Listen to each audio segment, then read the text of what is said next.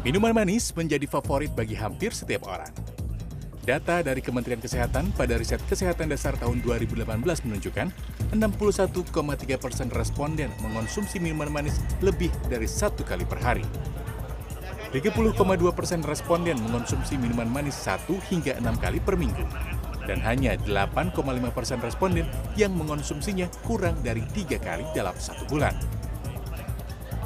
Meski demikian, kesadaran masyarakat tentang bahaya minuman berpemanis saat ini sudah semakin tinggi.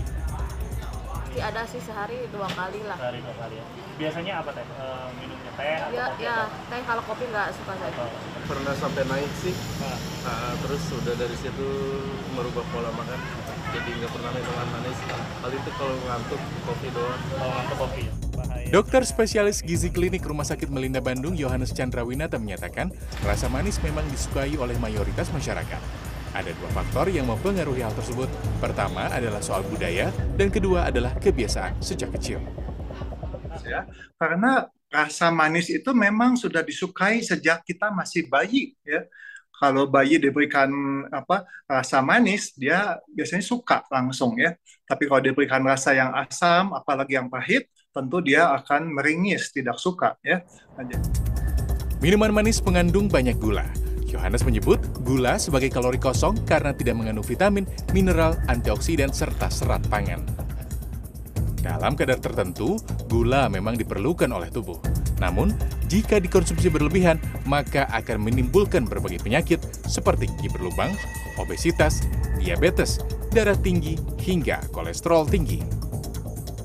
Juga konsumsi gula yang berlebihan itu eh, cenderung meningkatkan kadar trigliserida dalam darah dan juga asam urat dalam darah kita ya Saat ini banyak ditemukan pula minuman berpemanis dalam kemasan yang menyembatkan label less sugar atau kurang gula. Namun, jika dikonsumsi terlalu sering, maka tetap saja berbahaya bagi tubuh. Tim CNN Indonesia melakukan uji kadar gula total dengan sampel minuman berpemanis less sugar sebagai sampel A, minuman teh kekinian sebagai sampel B, serta minuman kopi kekinian sebagai sampel C. Hasilnya, kadar gula dalam minuman less sugar ternyata tidak terlalu jauh dengan minuman lainnya. Berdasarkan eh, hasil pengujian total gula yang diperoleh dari sampel A, B, dan C, itu total gula yang kita peroleh adalah eh, kalau untuk sampel A itu kita peroleh 4,99 persen.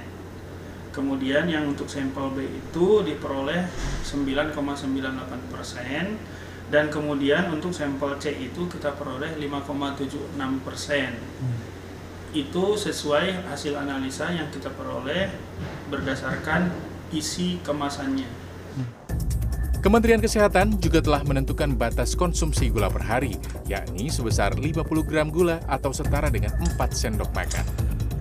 Sementara Badan Kesehatan Dunia WHO memiliki batas konsumsi gula yang lebih ketat, yakni 30 gram atau setara dengan 7 sendok teh per hari untuk orang dewasa, 20 gram atau 6 sendok teh per hari untuk anak-anak usia 7 sampai 10 tahun, serta 19 gram atau 4 sendok teh per hari bagi anak-anak usia 2 hingga 6 tahun.